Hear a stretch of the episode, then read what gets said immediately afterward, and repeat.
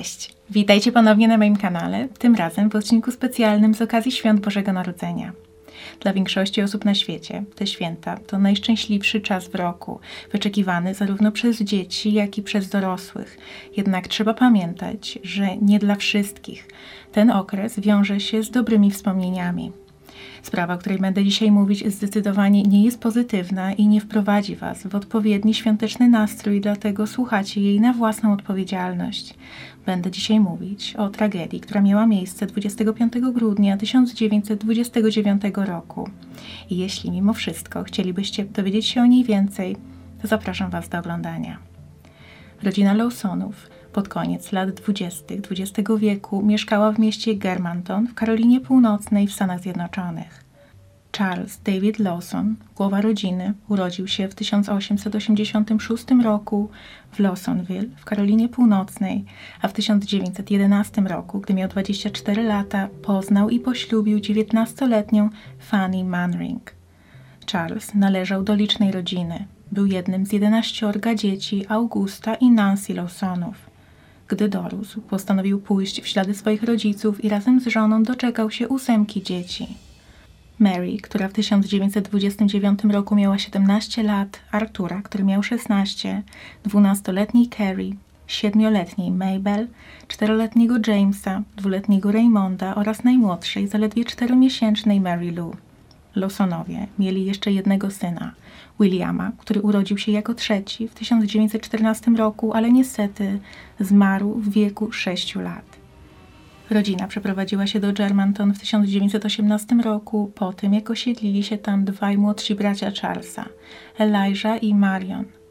Fanny wraz z mężem przez lata pracowali przy uprawie tytoniu na dzierżawionej ziemi i oszczędzali na zakup własnego terenu. W końcu im się udało. Niestety, niedługo później Charles poważnie zachorował i wiele miesięcy spędził w łóżku. Powodem był artretyzm, ale niestety medycyna w pierwszej połowie XX wieku nie pozwalała na postawienie skutecznej diagnozy oraz leczenie. I stan zdrowia mężczyzny spowodował duży uszczerbek na domowym budżecie i ostatecznie Lawsonowie nie byli w stanie spłacać zaciągniętej pożyczki i stracili swoją ziemię. Nie poddawali się jednak. Kolejne lata oszczędzali, pracując na farmie przyjaciela rodziny i ostatecznie w 1927 ponownie zakupili posiadłość. Była to farma przy Brook Cove Road w Germantown. Teren liczył 46 hektarów i stał na nim ponad stuletni drewniany dom z ceglanym kominem. Budynek był w nie najlepszym stanie, jednak wspólnymi siłami rodzinie udało się go odnowić. Lawsonom jeszcze przez dłuższy czas miało nie powodzić się najlepiej. Dopiero co zaczęli sadzić tytoń na swojej ziemi i interes nie przynosił jeszcze dochodów, dlatego święta w 1929 roku miało być skromne. Żadne z dzieci nie miało dostać prezentów. Zauważył to jeden z sąsiadów i postanowił zaoferować pomoc. Przyszedł do Charlesa i Fanny i powiedział, że mógłby kupić każdemu z ich dzieci chociażby mały upominek, żeby mogły wczuć się w świąteczny klimat. Jednak Charles odmówił. Był bardzo dumnym człowiekiem, dlatego nie chciał zaakceptować jałmużny. Dwa tygodnie przed świętami ojciec powiedział wszystkim domownikom, że zaplanował dla nich podróż do miasta Winston-Salem, oddalonego od ich farmy o niecałą godzinę drogi. Tam wszyscy mieli pójść do sklepów, każdy miał dostać nowe ubranie, a następnie mieli wykonać rodzinną fotografię. Biorąc jednak pod uwagę nie najlepszą sytuację finansową całej rodziny, nie była to aktywność, na którą powinni móc sobie pozwolić. 25 grudnia 1929 roku zaczął się bardzo spokojnie. Najstarsza córka, Mary, wstała jako pierwsza i zaczęła przygotowywać śniadanie dla całej rodziny. Jeszcze przed posiłkiem 16-letni Arthur wyszedł wraz z kuzynem, Sandersem, który nocował w domu Lawsonów, popracować w gospodarstwie i wrócili kilka godzin później. Po śniadaniu wyszli na polowanie. Sytuacja finansowa nie pozwalała na wystawne święta, jednak rodzina miała zamiar wspólnie zjeść uroczystą kolację i z tej okazji 17-letnia Mary miała upiec ciasto. Po powrocie z polowania Arthur i Sanders urządzili sobie wraz z Charlesem konkurs strzelania do puszek w ogrodzie, a w tym czasie kobiety przygotowywały potrawy na wieczór. Po południu Arthur poprosił ojca o dodatkowe naboje, ale Charles odmówił, mówiąc, że możliwe, że tego wieczora będzie chciał sam udać się na polowanie. Szesnastolatek wraz z kuzynem postanowili więc pojechać do miasta i w sklepie kupić własną amunicję. W tym czasie dwunastoletnia Carrie i siedmioletnia Mabel postanowiły pójść do domu swojego wujka Elijah oraz jego rodziny, która mieszkała w okolicy. Miały jednak nigdy nie dotrzeć na miejsce. Za szopą czekał na nie uzbrojony napastnik. Obie zostały zastrzelone. Carrie jako pierwsza, a Mabel w plecy, gdy próbowała uciekać. Dziewczynki nie miały szans ostrzec swojej matki i rodzeństwa przed nadchodzącym niebezpieczeństwem. Ich ciała zostały wciągnięte do szopy i tam zamknięte. Żaden z domowników nie zaniepokoił się słysząc strzały, ponieważ praktycznie od rana w ich ogródku był urządzany konkurs strzelecki oraz słychać było, że wielu sąsiadów również wyszło do lasu na polowanie z okazji świąt. Huk wystrzałów nie był więc niczym odbiegającym od normy. Fanny właśnie wnosiła drewno na opał, gdy do niej również zbliżył się napastnik z bronią. Podobnie jak jedna z córek, zobaczyła go wcześniej i zaczęła uciekać, ale nie udało się. Została wciągnięta do przedsionka i wtedy zauważyła ją siedemnastoletnia Mary. Płacząc, wybiegła i przytuliła matkę, ale na nią również czyhało ogromne niebezpieczeństwo. Widząc sprawcę, pobiegła w stronę kominka i chwyciła pogrzebacz, ale było za późno. Została trafiona i odrzut spowodował, że wpadła do ognia. Do tego momentu czteroletni James, dwuletni Raymond oraz ich kolega beztrosko bawili się w jednym z pokoi. Jednak gdy usłyszeli krzyki, huk i zamieszanie dochodzące z salonu, wyszli, żeby sprawdzić, co się dzieje. Kolega był świadkiem niewyobrażalnego koszmaru i spojrzał napastnikowi prosto w oczy. Ten jednak nic mu nie zrobił i pozwolił uciec. James i Raymond, widząc matkę i siostrę na podłodze, postanowili się schować. Czterolatek ukrył się pod łóżkiem, a jego dwuletni brat w kuchni.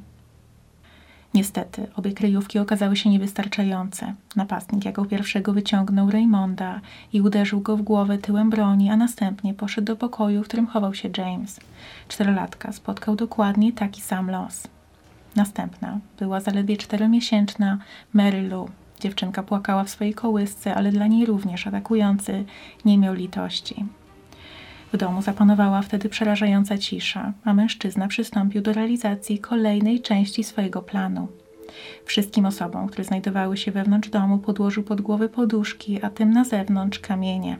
Było to coś, co zrobiłaby tylko osoba, dla której ofiary były bliskie. Z pewnością nie był to więc przypadkowy atak. Niedługo później dom Lawsonów postanowił odwiedzić jeden z braci Charlesa. Chciał życzyć całej rodzinie wesołych świąt i nic nie mogło przygotować go na to, co zastał na miejscu. Zamiast domu przygotowanego do świątecznej uroczystości, zastał miejsce tragedii. Natychmiast pobiegł na pobliski posterunek policji zgłosić to, co się stało. Śledczy, którzy jako pierwsi dotarli na miejsce, nie mogli uwierzyć w to, że ktoś byłby w stanie zrobić coś tak strasznego, nawet najmłodszym dzieciom i to w święta Bożego Narodzenia. Zauważyli również, że wśród ofiar nie ma 16-letniego Artura oraz głowy rodziny, Charlesa. Informacje na temat tego, co się stało, rozeszły się bardzo szybko. Jeden z mieszkańców zaczął rozgłaszać wieści w sklepach w mieście i w jednym z nich znajdował się Artur. Nastolatek zaledwie godzinę wcześniej widział jeszcze bliskich, całych i zdrowych, dlatego nie mógł uwierzyć w to, co słyszy. Pobiegł do domu, ile tylko miał sił w nogach, jednak na miejscu przekonał się, że to nie były zwykłe plotki. Dowiedział się również, że jego ojciec nadal nie został znaleziony i że na ten moment on sam jest jedynym potwierdzonym żyjącym z całej rodziny. Podczas gdy dom był zabezpieczany przez policję, z lasu wyłonił się pies Lawsonów, który normalnie nie odstępował swojego właściciela, Charlesa, nawet na krok. Chwilę później z lasu dobiegł głośny huk. Funkcjonariusze oraz szesnastoletni Artur pobiegli w stronę, z której dobiegł dźwięk i pod drzewem znaleźli 43-letniego Charlesa. Obok leżała broń, z której wykonał swój ostatni strzał. Wszystko wtedy zaczęło układać się w przerażającą całość. Za tragedią rodziny stał nie kto inny jak sam ojciec. Trudno było zrozumieć, jak ktoś mógł zrobić coś tak potwornego swojej żonie i dzieciom. Obok mężczyzny znajdowały się dwa listy, które składały się tylko ze zdania wprowadzającego i urywały się, tak jakby mężczyzna nie był w stanie ubrać w słowa tego, co myślał. Wokół drzewa była także wydeptana ścieżka. Mężczyzna najprawdopodobniej wielokrotnie okrążył drzewo, próbując zebrać myśli i może też obserwował dom, żeby zobaczyć, ile czasu jeszcze mu zostało.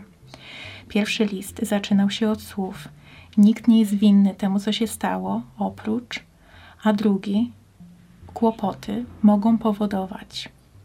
W niektórych źródłach znalazłam także informację, że Charles zostawił list do swoich rodziców, jednak nie wiem na ile ta informacja jest potwierdzona, ponieważ absolutnie nigdzie nie mogłam znaleźć nic na temat tego, co w tej wiadomości miałoby być napisane. Listy nie dostarczały jednak wystarczających informacji, żeby dowiedzieć się, co wydarzyło się w umyśle Charlesa i doprowadziło go do podjęcia takiej decyzji. Artur, jedyny ocalały, również nie był w stanie przybliżyć śledczych do prawdy. Szesnastolatek nie wiedział również, dlaczego ojciec postanowił go oszczędzić. Zanim chłopak pojechał do miasta, do sklepu, zapytał ojca, czy powinien, i ten powiedział, że tak. Charles więc doskonale zdawał sobie sprawę z tego, że w domu nie ma wszystkich domowników. Możliwe, że zrobił to dlatego, że syn był najstarszy, a co za tym idzie najsilniejszy i mógł stawiać opór albo nawet pokrzyżować mu plany, zwłaszcza, że posiadał swoją własną broń. Najpopularniejszą teorią na temat powodów tej tragedii była ta mówiąca o urazie Charlesa po wypadku. Powszechnie było wiadomo, że jakiś czas wcześniej mężczyzna uderzył się w głowę tępą częścią siekiery podczas rąbania drewna. Krwotok był bardzo obfity, ale nie stracił on przytomności. Mimo wszystko został zabrany do lekarza, ale tamten tylko opatrzył rany i odesłał go do domu. Wtedy nie było jeszcze możliwości wykonania odpowiednich badań, które mogłyby sprawdzić, czy uraz jest powierzchowny, czy może doszło do uszkodzenia mózgu. Wiadomo, że przez kolejne kilka tygodni mężczyzna chodził ze spuchniętą i posiniaczoną twarzą i doszło do ogromnej zmiany w jego zachowaniu. Stał się porywczy i agresywny oraz miewał silne bóle głowy. Raz nawet groził i wdał się w bójkę ze sprzedawcą na targu po tym, jak ten niechcący najechał mu na stopę. Reakcja była całkowicie nieadekwatna do sytuacji, dlatego zapadła świadkom zajścia w pamięci. Miało miejsce jeszcze kilka podobnych wybuchów, ale z tego co wiadomo, nie wobec najbliższej rodziny. Nigdy nie można jednak być pewnym, co dzieje się za zamkniętymi drzwiami. Zdaniem Fanny, Charles był dobrym mężem i ojcem, choć zwierzała się bliskim, że mąż po wypadku miewa ataki płaczu w nocy. Gdy pytała, co mu jest, odpowiadał, że nic takiego i że nie może jej powiedzieć, dlaczego płacze. Zaczął również wykazywać większe zainteresowanie bronią. Częściej czyścił strzelby i upewniał się, że działają poprawnie. Niedługo przed Bożym Narodzeniem zmarł jeden z sąsiadów Lawsonów i rodzina uczestniczyła w pogrzebie. Zebrani wspominali zmarłego, ale także ogólnie rozmawiali na temat życia i śmierci. I w pewnym momencie Charles powiedział, że nie wyobraża sobie, żeby mógł zostawić swoją rodzinę, że on sam nie trzyma się życia za wszelką cenę, jednak jeśli miałoby go zabraknąć, to chciałby, żeby jego żona i dzieci poszły razem z nim na drugą stronę. Wtedy ta wypowiedź nie wzbudziła dużych niepokojów, ponieważ był to dość powszechny pogląd w tamtych czasach. Rodziny były duże i przeważnie ich cały byt zależał od dochodów głowy rodziny. Z perspektywy czasu, oczywiście, to wszystko układa się w bardzo logiczną całość, jednak wtedy były to tylko drobne wskazówki i nikt nie byłby w stanie przewidzieć, że zwiastują one tragedię. Wszystko wskazywało także na to, że Charles nie działał pod wpływem chwili, tylko był to akt wykonany z premedytacją. Przede wszystkim wskazywało na to to, że zaledwie kilka tygodni wcześniej postanowił z całą rodziną pojechać do miasta, wydać mnóstwo pieniędzy mimo trudnej sytuacji finansowej na drogie ubrania i wykonać rodzinną fotografię. Nie była to przyjemność popularna wśród rodzin z klasy pracującej mieszkających na prowincji.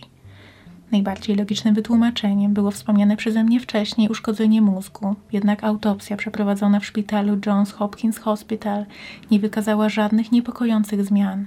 Nie można jednak wykluczyć, że zaszły zmiany, ale jedynie w psychice mężczyzny. W ceremonii pogrzebowej Lawsonów wzięły udział setki osób. Byli to nie tylko lokalni mieszkańcy i bliscy rodziny, ale także zjechało się wiele osób z okolicznych miast i nawet stanów. Cała ósemka, łącznie z Charlesem, spoczęła w jednym rodzinnym grobie. Zaledwie kilka tygodni po tych wydarzeniach brat Charlesa, Marion, postanowił wykorzystać uwagę, jaką przyciągnęła tragedia i zrobić z domu atrakcję turystyczną. Od każdego zwiedzającego pobierał opłatę w wysokości 25 centów, czyli równowartość 4 dolarów dziś, czyli około 16 złotych. Twierdził, że to dlatego, że i tak to miejsce było odwiedzane przez wiele osób z całej okolicy i postanowił to jakoś uregulować. I tak tych osób nie interesowało to, że nie jest to park rozrywki czy plan filmowy, dlatego chciał przy okazji zebrać pieniądze dla Artura, ostatniego żyjącego syna Lawsonów. I oczywiście trudno jest oceniać tę decyzję, jednak mam wrażenie, że można było zaplanować to trochę inaczej, chociażby odczekać trochę dłużej i nawet stworzyć inną formę memoriału. Dodatkowo wiele przedmiotów z domu Lawsonów zostało sprzedane na aukcjach, w tym strzelby, których użył Charles. Teraz byłoby to nie do pomyślenia, żeby sprzedać narzędzia zbrodni. Wiadomo, że aktualnie dom został już zburzony i krążą pogłoski, że cała farma, na której mieszkała rodzina, jest nawiedzona. Z biegiem lat pojawiło się wiele teorii na temat przyczyn tragedii. Część osób doszukiwała się nawet sprawstwa kogoś innego niż Charles. Mimo ogromu dowodów pojawiły się głosy, że cała sytuacja mogła zostać upozorowana, że rodzina miała wrogów albo że byli świadkami przestępstwa i musieli zostać uciszeni. Policji nie udało się jednak znaleźć żadnych dowodów wskazujących na prawdziwość tej teorii, więc są to raczej tylko plotki. Z wiadomości w źródłach wynika, że Arturowi udało się wyjść na prosto. Założył własną rodzinę. Razem z żoną Niną miał czworo dzieci, ale niestety nie było mu dane żyć długo i szczęśliwie. W wieku zaledwie 32 lat zginął w wypadku drogowym. Można spotkać się z głosami osób twierdzących, że po prostu dogoniło go przeznaczenie. Wydawało się, że sprawa jest już zamknięta i nic więcej nie może już wyjść na jaw. Historia oczywiście pozostawała nadal żywa w pamięci mieszkańców Karoliny Północnej, jednak śledztwo zostało zamknięte 60 lat wcześniej. Do czasu, aż w 1990 roku miała zostać wydana książka pod tytułem White Christmas, Bloody Christmas, czyli Białe Święta, Krwawe Święta. I autor, przygotowując się do napisania jej, przeprowadził wywiady z wieloma żyjącymi nadal członkami rodziny Lawson, w tym ze Stellą Lawson Bowles córką Mariona Lawsona, czyli bratanicą Charlesa. I podczas rozmowy kobieta nie wyjawiła wiele. I ostateczna konkluzja w książce brzmiała, że Charles zabrał ze sobą wiedzę na temat przyczyn swojego czynu i prawdopodobnie nigdy już nie dowiemy się, co go do tego skłoniło.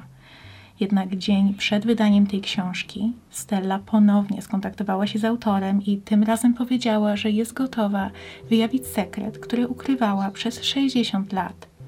Powiedziała, że w 1929 roku uczestniczyła w pogrzebie Lawsonów i wtedy posłuchała rozmowę swoich ciotek, według których Fanny zwierzała się, że odkryła nieprzyzwoite zachowanie swojego męża wobec Mary, najstarszej córki. Jedną z osób, której miała powierzyć swój sekret, była matka Stelli, Jetty Lawson, która zmarła na początku 1928 roku, co oznaczało, że Fanny miała takie podejrzenia przez prawie dwa lata przed tą tragedią. W 2006 roku w kolejnej książce tego samego autora opublikowano wyznanie bliskiej przyjaciółki Mary, Ellie May, która potwierdziła pogłoski – Powiedziała, że koleżanka zwierzała jej się na temat relacji z ojcem, a co gorsza, w grudniu 1929 roku wiedziała, że jest z nim w ciąży. Te informacje rzucały całkowicie inne światło na sprawę i biorąc pod uwagę, w jakich czasach te wydarzenia miały miejsce, to nie dziwię się, że Stella nie wyjawiła sekretu przez sześć dekad i nigdy nie planowała go ujawniać. Stawiało to jej rodzinę w bardzo złym świetle i Lawsonowie z pewnością woleli, żeby cały świat sądził, że powodem były zaburzenia Charlesa po wypadku, a nie mroczny sekret, który skrywał i który lada chwila mógł wyjść na jaw razem z ciążą jego córki. Gdyby to wydarzyło się aktualnie, to z pewnością zarówno ciąża, jak i ojcostwo zostałoby odkryte podczas autopsji. W 2006 roku Stella wydała swoją własną książkę pod tytułem A Child in the Midst – The Memoir of Stella Lawson Bowles, czyli Dziecko w środku wydarzeń, wspomnienia Stelli Lawson Bowles, która opisała życie rodziny ze swojej perspektywy, choć z ocen wynika, że nie zawarła w niej żadnych nowych, przełomowych informacji. Sprawa zainspirowała wielu autorów. Powstały liczne publikacje oparte na tych prawdziwych wydarzeniach, a także napisane zostały piosenki, i powstały filmy na podobnych motywach. I to jest już koniec dzisiejszej sprawy. Tak jak ostrzegałam na początku, zdecydowanie nie wprowadza ona w radosny, świąteczny nastrój, jednak myślę, że warto mówić nawet o tych mniej pozytywnych sprawach związanych z Bożym Narodzeniem, chociażby, żeby trzymać w pamięci i w sercach te osoby, dla których ten okres nie jest najszczęśliwszy i wiąże się z bolesnymi wspomnieniami. I mimo tego dość smutnego akcentu, którym kończy się ten odcinek, to chciałabym serdecznie życzyć Wam spokojnych i szczęśliwych świąt spędzonych w gronie rodziny, ale jeszcze nie szczęśliwego nowego roku, ponieważ mam nadzieję, że zobaczymy się i usłyszymy jeszcze raz w kolejnym odcinku specjalnym, sylwestrowym. A jeśli macie propozycje, o jakich sprawach mogłabym powiedzieć już w nowym roku, to koniecznie dajcie mi znać w komentarzach. I do zobaczenia niedługo. Cześć!